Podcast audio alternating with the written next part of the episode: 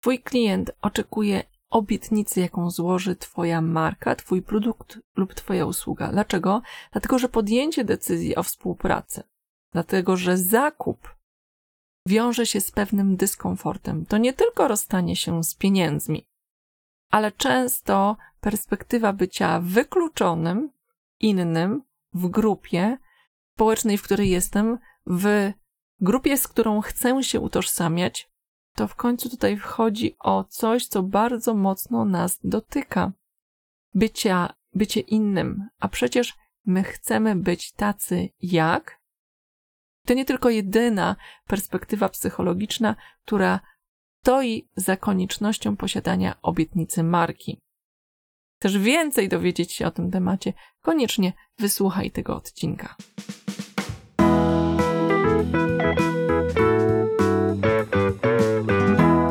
Jak już wiesz, dzisiejszy odcinek zostanie poświęcony tematowi obietnicy marki.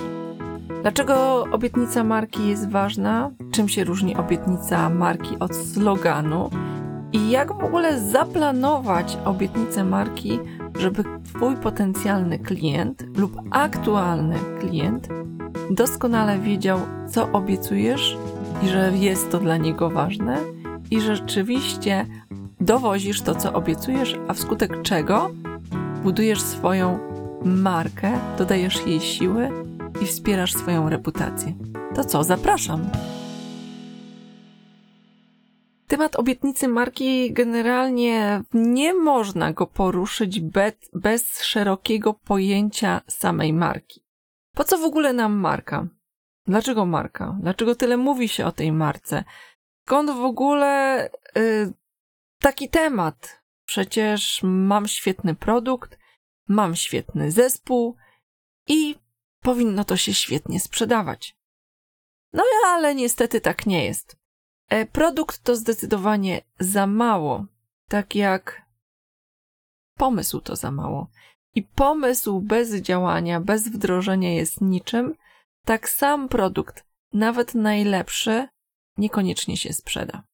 I wiemy o tym doskonale, przekonali się o tym doskonale e, przedsiębiorcy, którzy wierzyli w tą złudną wizję, której właśnie dobry produkt sprzeda się sam. To jest mit. E, mit wynikający z tego, że rzeczywiście wiele, wiele, wiele lat temu e, było tak, że wystarczyło cokolwiek wyprodukować. A stało to sprzedane. Kiedy to było? To było krótko przed erą przemysłową, więc mnóstwo lat temu. E, I z tego mitu przerodziło się takie właśnie przekonanie, znaczy z takiej praktyki, która wtedy była aktualna, e, gdzie nie było właśnie takiej możliwości skalowania produktu, gdzie e, cokolwiek rzemieślnik wyprodukował miało dużą szansę na sprzedanie, to wtedy właśnie powstało takie przekonanie, że dobry produkt sprzeda się sam. Teraz, kiedy jesteśmy w świecie nadmiaru, nadwyboru Dlatego, że właściwie gdziekolwiek spojrzeć, w jakąkolwiek kategorię e, spojrzeć, tam jest mnóstwo produktów. Olbrzymi wybór. A jeżeli nie ma? A jeżeli jest taki produkt, że sobie myślisz, wow, nie ma tam nikogo. Jestem pierwszy, jestem z produktem, który właściwie nie ma konkurencji. Hurra! I zanim pomyślisz hurra, E, ja bym proponowała chwilkę zastanowić się, czy to, że nie masz konkurencji jest znakiem, dowodem na to, że trafiłeś na niszę i rzeczywiście ciesz się człowieku, działaj, korzystaj, bo za chwilę prawdopodobnie to się zmieni. A może wręcz przeciwnie, to jest sygnał, że skoro nikogo tam nie ma, że nie ma tam konkurencji, to właściwie nie ma rynku, nie ma zapotrzebowania, nie ma klientów. Jeżeli to jest ta pierwsza sytuacja, to zdecydowanie przez pewien czas to, że produkujesz dany produkt, jest e, dużą szansą i jest to produkt dobry, e, to jest sytuacja, w której możesz jeszcze nie potrzebować marki. Ale jak to w życiu, życie nie znosi próżni i prawdopodobnie wcześniej czy później, jeżeli rynek rzeczywiście jest, konkurencja się pojawi. I wtedy pojawi się temat dodania do samego produktu pewnej wartości, która wyróżni cię od Twoich konkurentów, po pierwsze, a po drugie, tworzenia marki po to, żeby ta marka była dodatkowym powodem, dla którego Twoi klienci kupią właśnie Ciebie, a nie produkt Twojej konkurencji. No i tutaj do, dotykamy ważnego aspektu. Po co jest w ogóle marka? Jakie są powody dla tego, że żeby stworzyć markę, żeby inwestować dużo czasu, energii w tworzenie marki, niezależnie czy mówimy o marce osobistej, czy o marce produktu. I chcę powiedzieć o takich dwóch aspektach, a raczej trochę, że tak powiem, wziąć cię pod włos, jeżeli te włosy oczywiście masz. E, mianowicie, zastanów się, jaki ostatnio produkt kupiłeś, który nie był marką, który nie był produktem markowym.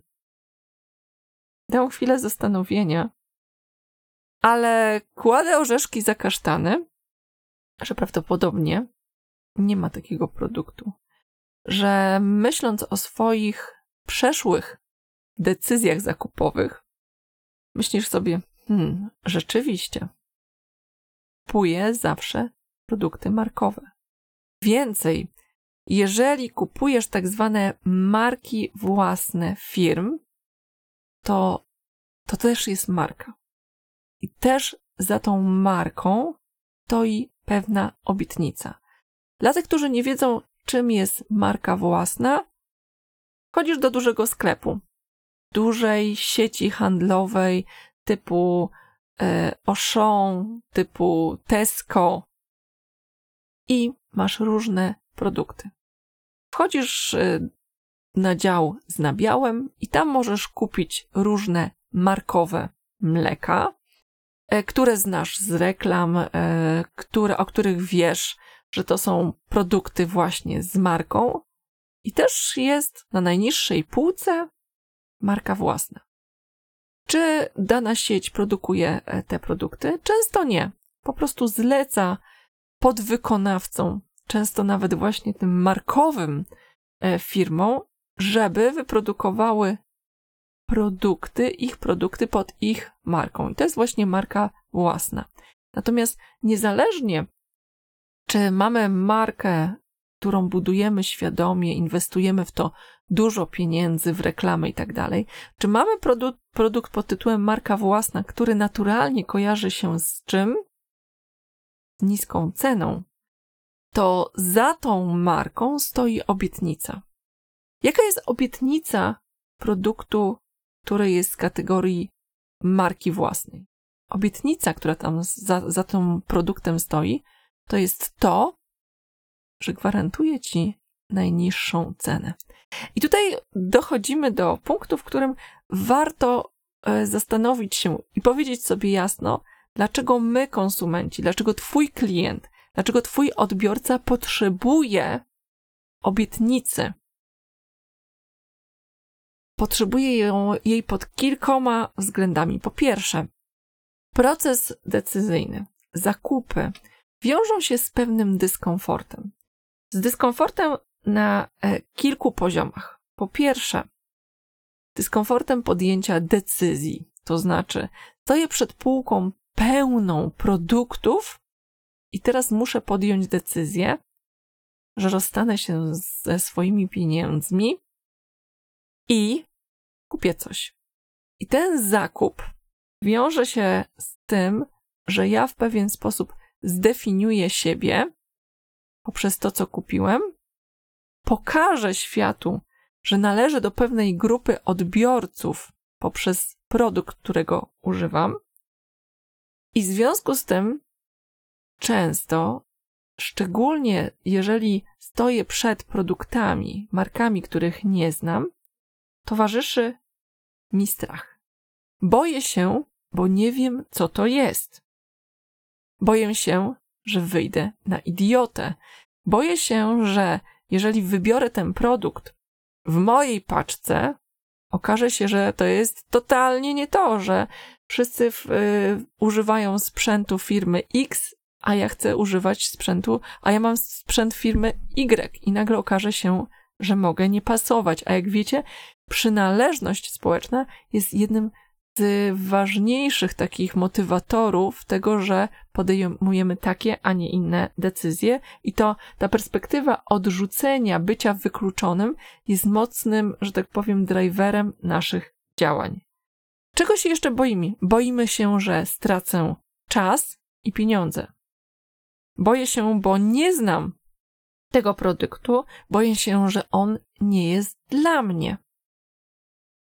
I z tą całą listą strachów, e, które ma, które ma nasz odbiorca, ma nasz klient z tyłu głowy, podświadomie oczekuje od marki pewnej obietnicy, która będzie dla niego gwarantem, że jeżeli podejmuje, podejmie decyzję na rzecz naszej marki, to my tą obietnicę dowieziemy. I zdecydowanie wierzę, nie pamiętam kto to powiedział, e, że marka to spełniona obietnica. I stąd ta obietnica jest tak kluczowa. Stąd ta obietnica e, w długoterminowej perspektywie dowożona, podkreślana, tworzy Twoją reputację, to jest świetną bazą do tego, żeby być rekomendowanym, polecanym i budować relacje z naszym odbiorcą na bazie społecznego dowodu słuszności, tego, że to ktoś inny, mój przyjaciel, znajomy, ludzie w internecie nas polecili, a nie to my kupiliśmy reklamę, która nas poleca. Jedna ważna rzecz. Nie należy obietnicy marki mylić ze sloganem marki. Co mam na myśli mówiąc slogan? Slogan to jest to hasło, które często pojawia się w kontekście marki. Bardzo popularny przykład. Nike, just do it. Slogan jest esencją tego, czym jest marka, natomiast obietnica marki jest bardziej czymś, co my obiecujemy na poziomie komunikacji tego, czym jest produkt, dla kogo jest produkt. Obietnica marki jest komunikowana na poziomie wizualnym, na poziomie e, tego, jak my postrzegamy dany produkt, firmę, niż tym jednym hasłem, które w jakiś sposób nas definiuje. Co mam na myśli?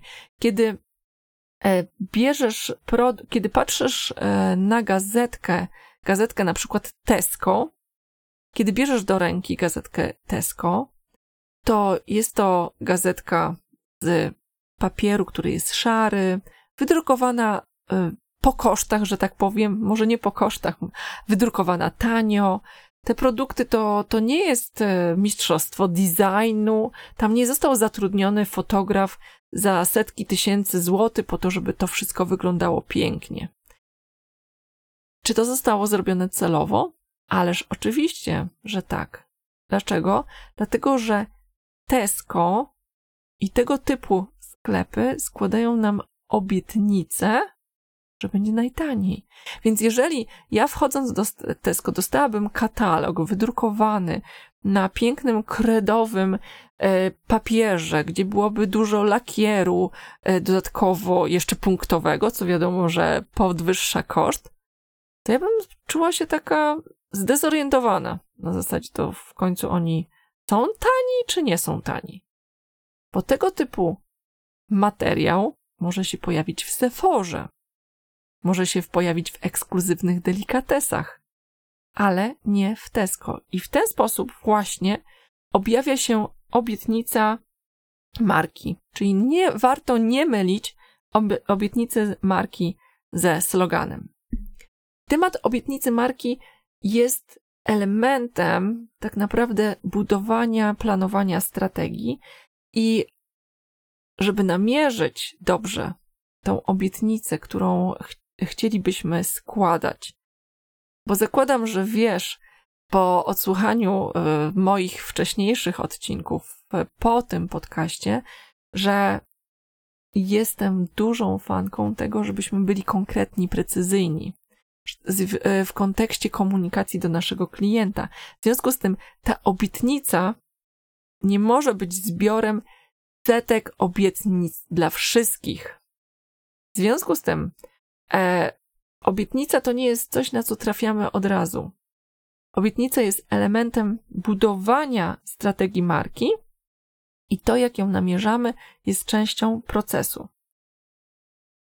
Jest takie pięć kroków, pięć elementów, bo jesteśmy w podcaście Silna Marka w Praktyce i chcę teraz, żeby, żebyś miał świadomość, co musisz namierzyć w kontekście budowania marki, co absolutnie przybliży cię do obietnicy marki. To po pierwsze, wiesz, co chcesz sprzedawać, jaki to jest produkt, jakie ma parametry, e, wiesz, co jest unikalne w tym produkcie, wiesz, że jesteś dobry w tym, co robisz, albo masz ludzi, którzy są dobrzy e, w tym, co robisz. Generalnie dobrze znasz się na tym, co sprzedajesz, niezależnie, czy to jest produkt, czy usługa. Druga rzecz, to znasz swoim, swoją grupę odbiorców, znasz swojego klienta. Wiesz, że nie sprzedajesz do wszystkich. Jeżeli masz szeroką grupę odbiorców, to wiesz, jakie są segmenty klientów. W związku z tym będziesz wiedział, jak komunikować do każdego segmentu, będziesz wiedział, jak komunikować do Twojej grupy odbiorców, i w związku z tym wiesz, jaka obietnica marki będzie do Twojej grupy odbiorców lub do segmentu poszczególnych klientów. Trzecia rzecz, bardzo ważna. Ja nie jestem pewna, czy w tym podcaście padło to stwierdzenie, e, to moje, ta moja definicja marketingu, w który wierzę. I to jest chyba dobry moment, żeby o tym powiedzieć, bo trzecim punktem z tej naszej pięcioelementowej listy jest to, że masz świadomość, jaką zmianę prowadza Twój produkt lub Twoja usługa w życiu Twojego klienta. Dlaczego to jest ważne? E, ja wierzę w taki marketing, który tak naprawdę mówi o zmianie. Dla mnie marketing jest, jest o zmianie, jest o metamorfozie. Dla mnie marketing nie jest o produkcie. Dla mnie marketing jest o kliencie i o zmianie, jaką wprowadza produkt czy usługa, którą oferujemy. Dlatego najlepszy marketing nie mówi o produkcie, o firmie, ale mówi o metamorfozie, jaką wprowadzamy w życiu naszego klienta. Mówi o problemie albo o aspiracji naszego klienta, a ta metamorfoza jest dowodem na to, że my jesteśmy w stanie to wprowadzić w życiu klienta. Że to właśnie my jesteśmy w stanie pomóc klientowi to osiągnąć. Dlatego dobry marketing zupełnie nie mówi e, o firmie, o tym, że jesteśmy profesjonalni, o tym, że mamy e, 120 lat doświadczenia. Oczywiście te hasła się pojawiają, ale jako dowody na metamorfozę, którą wprowadzą w życie mojego odbiorcy. I to był trzeci element. Czwarty element to znasz rynek, na którym konkurujesz. Tak jak już powiedziałam na początku, to jeżeli jesteś na rynku, na którym nikogo nie ma, to jest coś, nad czym warto się zatrzymać, zastanowić i chwilę e, zbadać, czy to jest na, na pewno dobry znak. E, kiedy jesteś na rynku, na którym jest konkurencja, to wiesz, kim konkurujesz. Nie skupiasz się na tym, z kim konkurujesz, ale raczej skupiasz się na tym, w jaki sposób chcesz się wyróżnić. I znowu, tutaj przyda się Twoja obietnica. Czyli dlaczego, e, dlaczego sprzedajesz tak, nie inaczej? Co jest inne od tego, co, e, co oferuje konkurencja, co jednocześnie oznacza, że prawdopodobnie będziesz trafiał do innego typu klienta i odbiorcy. No i piąta rzecz z tego wynikająca, wiesz, jakimi kanałami i w jakiej formie chcesz dotrzeć do swoich odbiorców ponieważ ich znasz, wiesz, gdzie bywają, w jaki sposób lubią, żeby się z nimi kontaktować. W związku z tym oczywiste i jasne dla ciebie jest, w jaki sposób będziesz się z nimi komunikował.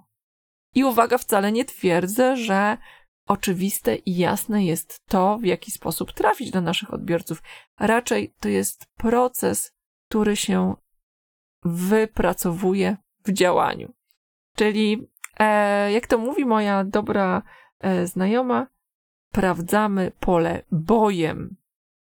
Natomiast te pięć elementów jest takimi przestrzeniami, które warto sprawdzić, na które warto zwrócić uwagę i na nich się skupić, bo to one dają taką, taką szeroką perspektywę mapy, po której porusza się marka, i to one, e, z nich też wynika obietnica, jaką składasz Twojemu klientowi. E, na początku często robimy to zupełnie nieświadomie, to znaczy składamy pewną obietnicę poprzez to, jacy jesteśmy, jak działamy, i często klient sam podświadomie zaczyna to rozumieć i dawać nam informacje o tym, jaka jest nasza obietnica marki, a my przez to możemy sprawdzić, czy rzeczywiście to jest to, co byśmy chcieli e, komunikować. No i tutaj mm, dochodzimy do miejsca praktycznego zastanowienia się, zaplanowania naszego sposobu e, składania obietnicy i tego, jaką obietnicę składamy. No i pierwszy taki krok to, to powinno być znalezienie tego, co byśmy chcieli naszemu klientowi obiecać. Jak to można zrobić? Po pierwsze, zastanowić się, co jest kluczowe dla naszego odbiorcy, co jest kluczowe w branży i sprawdzić, czy nasz produkt, usługa to dowozi. Jeżeli tak, to, jest to są te elementy, to są te punkty, które warto, żeby pojawiały się w, pojawiły się w obietnicy marki. Druga rzecz, warto zastanowić się, co nas wyróżnia, bo pewnie nie chcielibyśmy obiecywać tego samego, co obiecują wszyscy. Czasami ten wyróżnik pojawia się zupełnie naturalnie. To, że Volvo stało się synonimem bezpieczeństwa i to jest ta obietnica, która, którą dostajesz kupując Volvo, jest wynikiem tego, że Volvo jako pierwsze wprowadziło pasy bezpieczeństwa. To oni to zainicjowali i naturalnie stali się mm, firmą. Volvo stało się firmą, która obiecuje bezpieczeństwo i w sposób naturalnych, naturalne, że tak powiem, zagospodarowali, zawładnęli hasłem bezpieczeństwa. Trzeci sposób, w jaki sposób można namierzyć, znaleźć clue naszej obietnicy marki, to jest, co mówią o tobie twoi klienci. Sprawdź to, bo jeżeli e, skupisz się na tym, co już dowozisz, co możesz obiecać na pewno, E, co już jest u ciebie w firmie, w marce, którą tworzysz, to to jest taki gwarant dla, dla kolejnych klientów, że na pewno to się pojawi. Więc sprawdź, co twoi klienci mówią, że mogą, można się po tobie spodziewać. Jeżeli to są rzeczy, które chcesz utrwalać w kolejnych odbiorcach, to to jest powód, dla którego warto pójść do twojego obecnego klienta i podkreślić to w komunikacji i w różnych elementach marki, o czym za chwilę. I czwarty element tego poszukiwania obietnicy to jest popatrz na swojego idealnego klienta. Zastanów się, jakie on chce wieść życie, jakiej zmiany szuka. Pamiętasz, marketing jest o zmianie i oprzyj obietnicę swojej marki właśnie o tą metamorfozę, którą wprowadzasz w życiu swojego odbiorcy. Ok, drugi krok to jest nazwanie tego, określenie parametrów i tego, po czym klient pozna, zobaczy, że ta obietnica zostanie dowieziona. I tutaj chciałabym powiedzieć o konkretnym przykładzie, e, w jaki sposób e, nazwać, e, określić parametry, tą obietnicę podkreślić, Wiele lat temu pracowałam dla firmy Lireco i w tamtym czasie olbrzymim wyróżnikiem na tle rynku było to, że Lireco gwarantowało 48 godzin dostawy od momentu zakupienia. To znaczy klient miał gwarancję, że w ciągu dwóch dni produkt, który zamówił, pojawi się u niego w biurze. W tamtym czasie to był olbrzymi, e, olbrzymi wyróżnik. Właściwie nikt tego nie obiecywał. I firma miała takie możliwości, firma to dostarczała. Klienci właśnie podkreślali to, że cenią Lireco za to, że w porównaniu do innych e, firm bardzo szybko dostarcza produkt i firma postanowiła to podkreślić. I w jaki sposób to podkreślała? Oprócz tego, że komunikowała 48 godzin, 48 e, godzin dostawy, to w taki sposób, że składała obietnicę zamów, a jeżeli nie dostaniesz tego produktu w ciągu 48 godzin, otrzymasz go od nas za darmo. I to było niesamowite. To było, to było dla klienta e, gwarancja tego, że ryzyko, które podejmuje w kontekście zamówienia produktu, jest właściwie minimalne. Dobra, jeżeli mi nie, dowiedzą, nie, dowożą, nie dowiozą tego produktu, nie dowiozą mi tej obietnicy, to oddadzą mi moje pieniądze. Właściwie niczym nie ryzykuję. Więc zastanów się, jakie parametry, na jakie parametry zwraca uwagę Twój odbiorca i na tej bazie twórz obietnicę, uwaga, którą jesteś w stanie dowieść. I trzecia rzecz to zaplanuj, gdzie tą obietnicę zakomunikujesz. To znaczy, zaplanuj, w którym miejscu E, e, ta obietnica będzie podkreślana. I tutaj e, do tego służą takie narzędzia, które się nazywa ścieżka klienta, lejek sprzedażowy. Pomyśl sobie, gdzie klient styka się z Twoją marką, w których miejscach i gdzie ta obietnica powinna się pojawić, gdzie on szuka tej obietnicy. I od razu powiem, że to nie będzie tylko i wyłącznie moment, kiedy klient robi zamówienie. Nie, to nie będzie tylko ten moment to będzie wiele, wiele innych momentów. E, dzisiejszy podcast to jest, e, to nie jest, nie, nie, e, nie opowiem o tych wszystkich momentach. Myślę, że, że kiedy, kiedy nagram podcast o ścieżce klienta, to to będzie dobry moment, żeby, żeby tam naznaczyć te obietnice marki.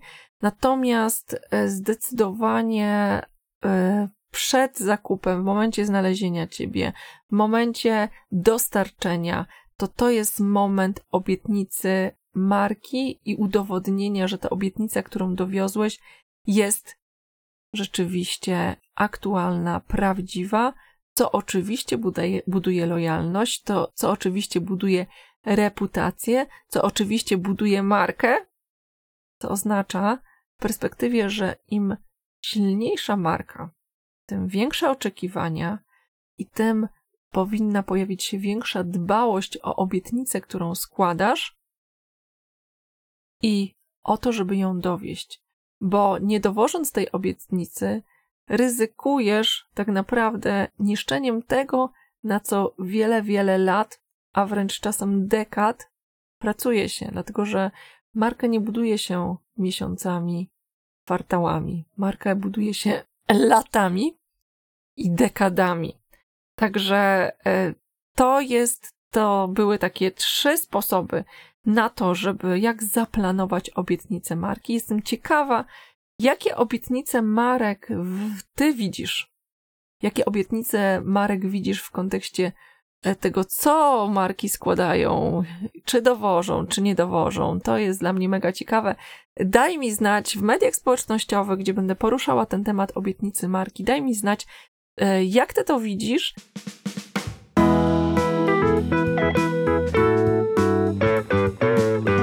E, spotkajmy się na LinkedInie, na e, Facebooku, na Instagramie. Zachęcam do śledzenia mojego podcastu. Będę poruszała kolejne aspekty marki, więc jeżeli silna marka to jest Twój cel, to zdecydowanie pozostańmy w kontakcie. To dzisiaj już wszystko. Do zobaczenia, do usłyszenia już wkrótce w kolejnym odcinku.